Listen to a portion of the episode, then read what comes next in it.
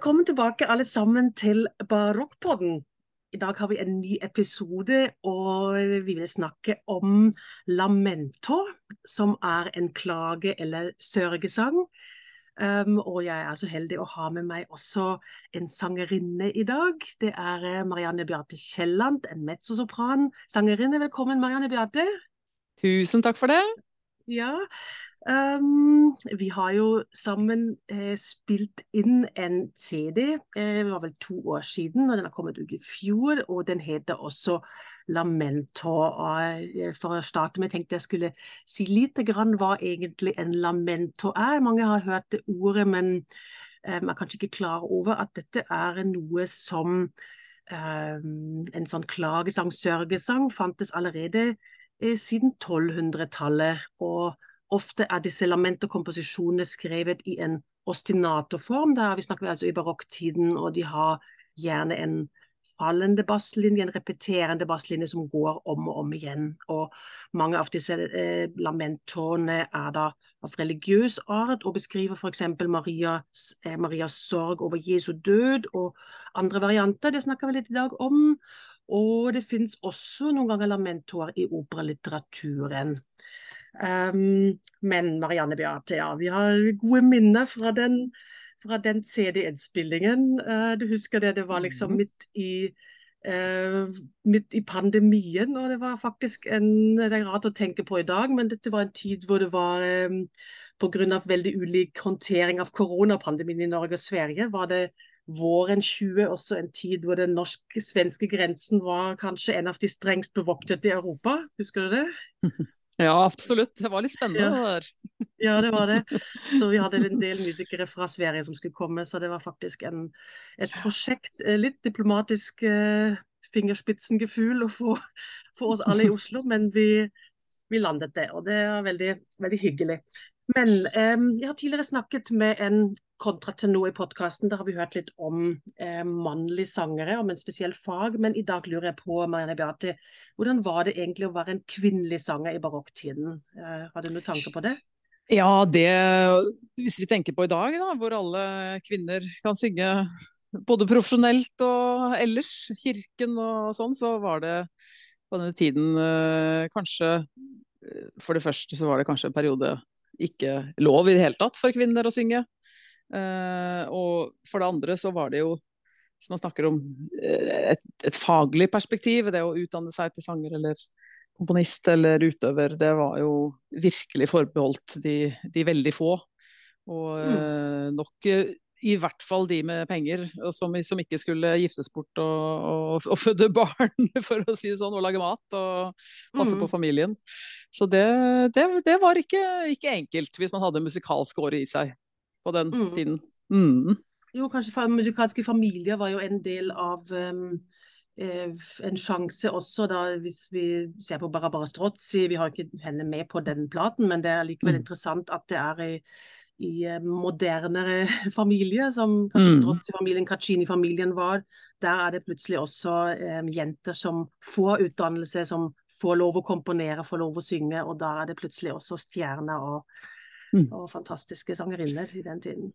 Jeg lurer liksom på de, altså Disse familiene der var vel også godt bemidlet, går jeg ut fra. Sånn at eh, de, de eh, døtrene var litt fristilt fra å måtte gifte seg, og, og de ja. kunne vel forsørges av familien, sikkert? Eller hva ja, tror du? Um, ja, Metzin også i Strozzi tilfelle. Men altså, absolutt et pengespørsmål. Det var jo et, et stort uh, finansielt spørsmål. og um, å kunne mm. ta, ha, mm. ta, seg råd til en utdannelse. Men det måtte også være den rette innstillingen til, da, sånn for at en, en kvinne fortjente å, um, å ha en, en utdannelse av, av, det slaget. Som, det er jo veldig spesielt å um, være kvinnelig sanger også. Mm. Men hvordan var, det, var, var stemmefagene annerledes eh, i barokktiden også enn i dag? Jeg ser det av og til i partiturene at det virker litt annerledes, egentlig. Ja, altså, Det virker jo litt som om alle stemmefagene ligger litt, uh, litt lenger ned. altså Litt lavere enn uh, en de gjør seinere. Er Seinere så har vi jo de ekstreme uh, altså det, veldig, veldig sånn imponerende stemmebruk i forhold til høyde og sånn. og det men her er det kanskje litt mer at man ser at på en måte litt, mer, litt mindre trenede sangere da, kan eh, være i stand til å synge alle partiene, egentlig. Sopran. Altstemmene ligger ofte veldig lavt. De ble vel kanskje også ofte sunget av menn. da. Eh, tenorstemmene også sånn eh, litt mer middle range. Um, og, så jeg tenker at det er det er mange grunner til det. Både, også, både, stilen og det man skal formidle. At man ikke skal ha de enorme Man ikke søker de enorme musikalske klimaksene sånn rent sånn i tonehøydeform. Ja, ikke ekstremene så mye, ikke sant? Mm. Ikke sant. Um, det kom jo med Mozart, 'Nattens dronning', så, så, ja, det... så sprenger han alle grenser. ja. Men Hendel allerede også, da. For nå snakker vi om 1600-tallet. Mm. Det skjer ganske mm. mye fra 1600-1700-tallet allerede òg, virker det som. For Hendels mm. um, sopranaria de er jo også ganske virtuose og, og, ja. og sånt. Cæsar og så videre. Ja, en, men én ting er jo at det er virtuost, men uh, jeg opplever at det er mye altså klart, Sånn som f.eks. Kleopatra, som er da den kvinnelige skikkelsen i Julius Cæsar-operaen. Uh, hun har jo veldig virtuose og også uh, arier, og også ting som ligger litt høyere. Men jeg opplever mye av sopranlitteraturen til Hendel ellers, uh, f.eks. fra Messias eller fra kantatene, verdslige kantatene hans. Det er sånn som jeg nesten kan synge. For det ligger ikke så Altså, det ligger litt lavere, litt lavere sånn tessitura, det betyr at man sånn, gjennomsnittet alle tonene. Eh, mm. ikke, ikke så ofte over G, egentlig. Mm. Um, to, tostrøken G. Så, så, jeg tenker også det kan også være at, at uh, vi, vi, vet jo ikke hvordan de sang på den tiden. Selv om de hadde store pedagoger og, som skrev også bøker om hvordan man skulle synge og sånne ting, så vet vi jo ikke hvor skolert de var i forhold til hvordan sangere er skolert i dag, da, og hva de var i stand til å, å gjøre stemmemessig. Det blir jo bare spekulasjoner, egentlig. Ja. Mm. Mm. ja. Men i dag skal vi jo egentlig snakke litt om den Lamento-platen vi har spilt den sammen. Altså det var, Jeg altså er, eh, heter Astrid Kirschner, og jeg har en barokkgruppe som heter Oslo Circles, for de som ikke har fått det med seg. Det er kanskje også noen. Um, og der har vi med Marianne Beate har vi spilt inn en plate, og der har vi um, eh, annet også eh, hatt med tre Maria-klager av den platen.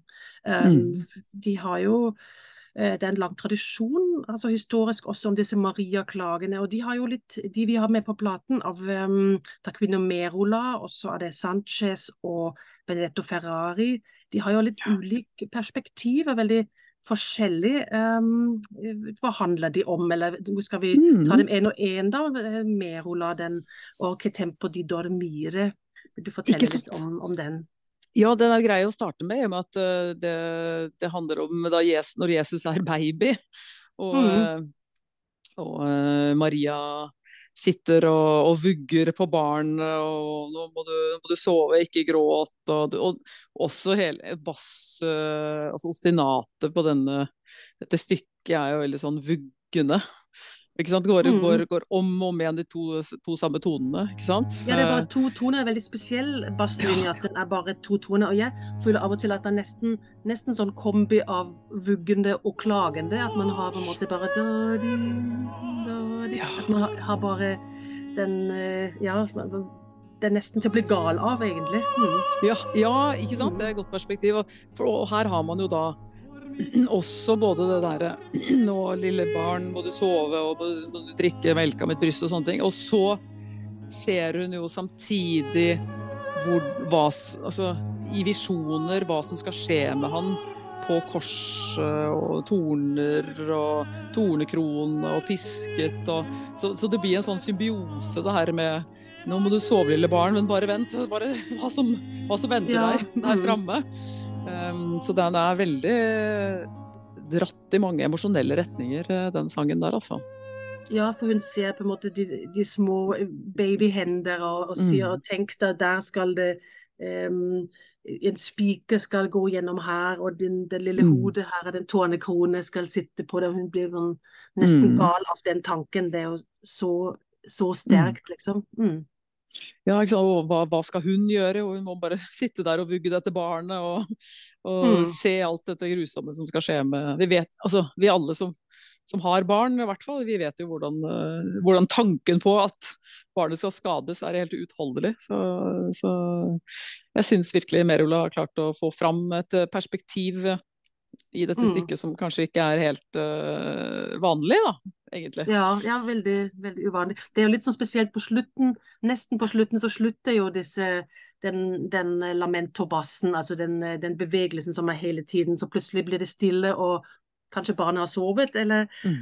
og, så, og, så, slutter hun egentlig litt i ja, i kjærlighet og i bare mm.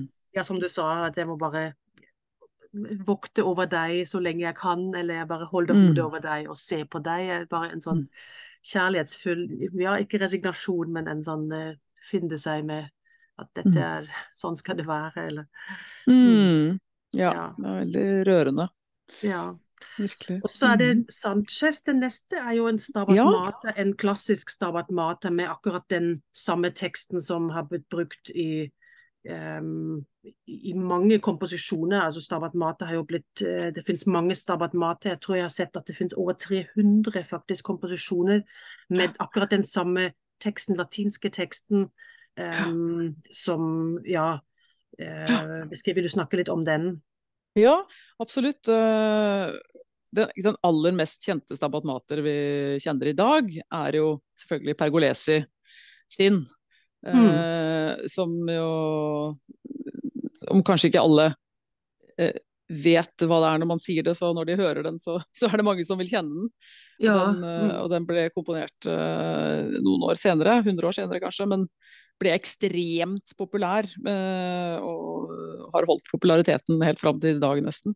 Men, men Stabat Mater-teksten var jo, som du sier, vanlig helt fra, fra, de tidlige tider, og er vel en del av den katolske kirkes liturgi, går jeg ut fra, egentlig? Ja, den er, går tilbake til fransiskanske kilder fra 1200-tallet, og, og, har blitt brukt da egentlig også i, i uh, alle mulige altså Både Palestrina og Dvorak og Sobert og mm. veldig mange um, komponister har skrevet eller forsøkt seg da på, på stabat mata-komposisjoner. Og, mm. og, det handler jo også ja, mm. Ja, det er jo om eh, så Stabat mater betyr jo 'moderen står'. Og det er da Maria som, som står ved korset og, og, betrakter eh, Jesus som henger der, eller Kristus som henger der. Og, mm. og, og det er jo Det er ikke kanskje sånn konkret beskrivelse av Eh, de smertene som påføres Jesus, som f.eks. i Merola, eh, hvor hun, hvor hun, ser dette i visjoner, hva som, som spikerne som, mm, som, går mm. gjennom hånden og sånne ting, men en mer, en mer emosjonell og nesten filosofisk betraktning over over situasjonen, da.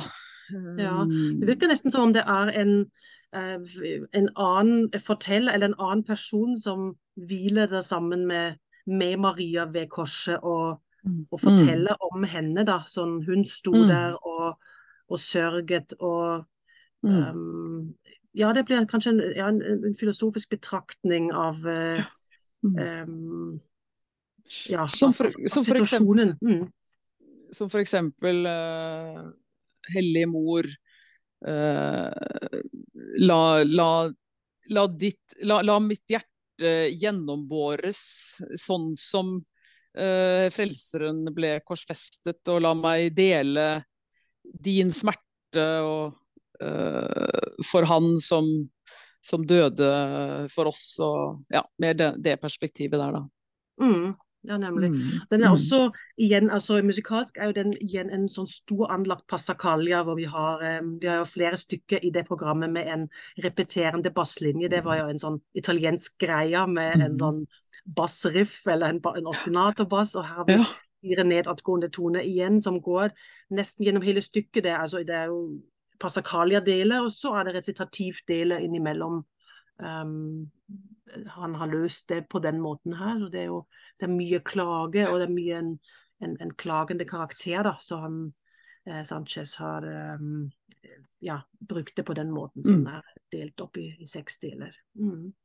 Ja, og det er jo veldig billedlig eh, komponert også, samtidig som du har den der Passacalia og den, den eh, langsomme eh, klag, klagesangen, så har de også noen sterke utbrudd.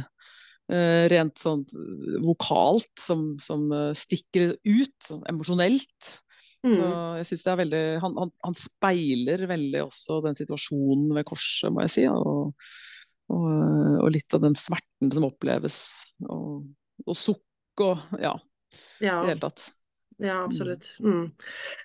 Um, og så har vi en Maria-klage til, en helt annerledes. Igjen veldig spesiell. Jeg ble jo veldig glad å bli kjent med den. Jeg kjente den jo ikke før vi før faktisk Mariangela Martello, vår um, cembalist, organist, um, Basso Contino, leder i gruppen, um, foreslo den for oss. Um, Benedetto Mm. Ferrari er nemlig ikke mye spilt i dag. eller det, er- ja, Feinschmecker kjenner jo ham, men um, jeg tenkte jeg skulle si litt om han. Han var jo en veldig viktig person og også et multitalent, kan vi si, i oppstarten av operasjangeren. Og han var faktisk lederen av Venetias første eh, offentlige operahus. Um, og han komponerte selv flere operaer for Venezia i den spennende tiden da, eh, da, da operaen oppsto. Og han komponerte både teksten og musikken, men mange av disse, eller disse manuskriptene har, så vidt jeg vet, har dessverre gått tapt. Mm. Han var også en virtuos teorbespiller. Og dette, denne Maria-klagen her fra 1637, altså Queste pungente Spine, um, ja, hva handler den om her, Marianne Beate? Ja, det, det er jo også da eh, refleksjoner ved, ved korset. Uh, igjen. uh, Marias smerte gjennom Jesu død. Men, uh, og hun snakker, snakker også om disse tornene og, og, og pilene som men, men også på et litt høyere refleksjonsnivå, på, en måte. Um, uh, vi snakker om at, at det reflekterer også himmelens uh, uh, smerte og sorg og, og tristhet. Og, og, den reflekterer også at innover altså denne, denne, teksten reflekterer innover i den som synger. Eh, og du, min, min, sjel, du kjenner ingenting eh, enn Mm. smerte. Kan du også føle kjærlighet? Eh, så Ja, det, er det er sånn, ja, jeg, føler at Mm. den med smerte og kjærlighet, disse to komponentene er liksom sentral da, i, Mm.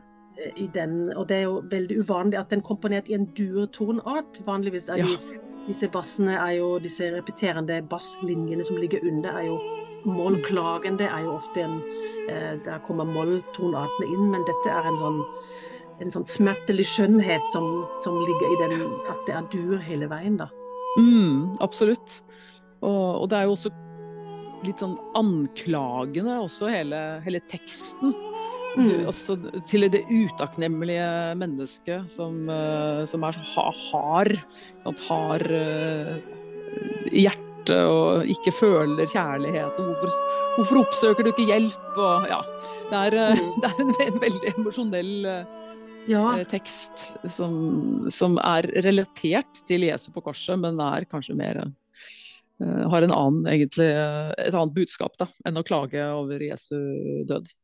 Mm, det er veldig Mm. interessant. Tre ganske store lamentoverk, egentlig. De er jo de høydepunktene på, på vår plate. Um, har de forskjellige utfordringer for en sanger, eller hva vil du si? Er de um, Ja, nei, de- ja de, er, de befinner seg sånn litt i samme kategori, føler jeg faktisk. Eh, de har du, du, trenger å ha den veldig sånn jevne jevne musikalske progresjonen gjennom sangen, og samtidig må du ta ut disse, uh, disse smertene, eller det som er skrevet inn i musikken, da, som jeg syns alle tre uh, til en viss grad har. Altså, de ordene mm. som man merker at skal fram, de, uh, de må man klare å få, få formidlet, fordi det, det er tydelig, helt tydelig komponistens vilje, og det ser vi jo også veldig, veldig i den siste, at at den har også en del litt sånn rare tonale vendinger.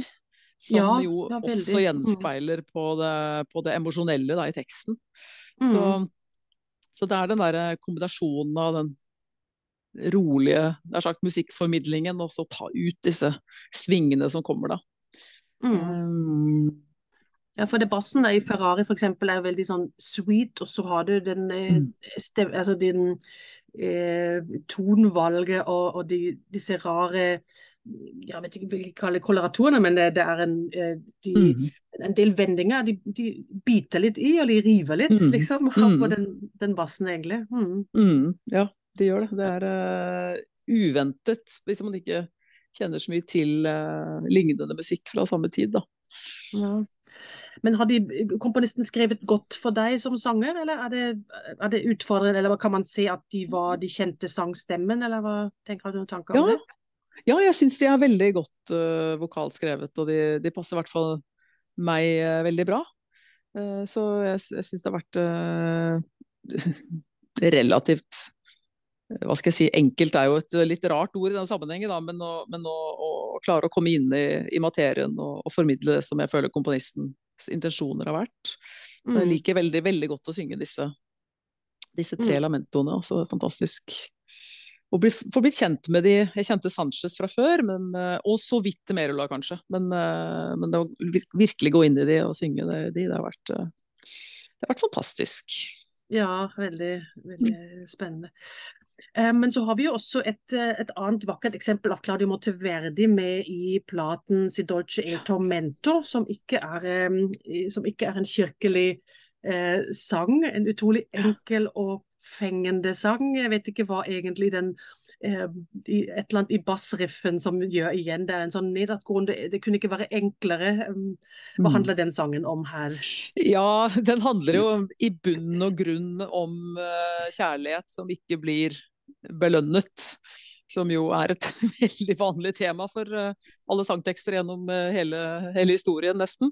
Men, mm. men, den, men, den, har en sånn, også en sånn dobbelthet. Uh, fordi det er en slags uh, Om det er apati eller sånn Altså, jeg, jeg er ikke berørt av, av denne uh, smerten på én måte. Jeg kan leve uh, fornøyd og på dette jordiske paradiset, og, og, men så, så, er det et eller annet med denne falske kvinnen som ikke vil ha meg, og den smerten som, som, uh, mm. som treffer meg. Og allikevel så beholder jeg jo selvfølgelig håpet og vil fortsette å leve, men denne kvinnen Ja. ja. så, så han har klart å komponere en veldig liktil og vakker melodi, men uh, det, er, det, er, litt dobbelt, da, må man si. Mm. Mm. Ja, ja, spennende. Um, du underviser jo selv på Norges musikkhøgskole. Um, mm. Og vet, siden du er jo veldig Du har en stor karriere innen tidlig musikk, eh, også internasjonalt. Du mm. synger jo med, med, alle de store dirigentene og er eh, mye på farten. Men eh, mm. er dette med tidlig musikk også du jobber spesielt med med dine studenter, eller hvordan er dette? Ja, jeg er veldig opptatt av det. Det har ikke vært øh tidligere, i, i, nær tid, så har det ikke vært så mye fokus på, på tidlig musikk på Norges musikkhøgskole, men, men, jeg er veldig opptatt av at eh, studentene altså For det første så er det jo å kjenne til det repertoaret som er opphavet til alt det som kommer etterpå. Det er mm. veldig veldig viktig å, å, kjenne til det. Og jeg tenker som sanger i dag, så er det veldig relevant å, å kunne noe om tidlig musikk, fordi det er masse jobber å få innen tidlig musikk. Mm. Um, så jeg er eh, opptatt eh, av at studentene skal eh, bli kjent med både repertoaret, men ikke minst også stilistisk.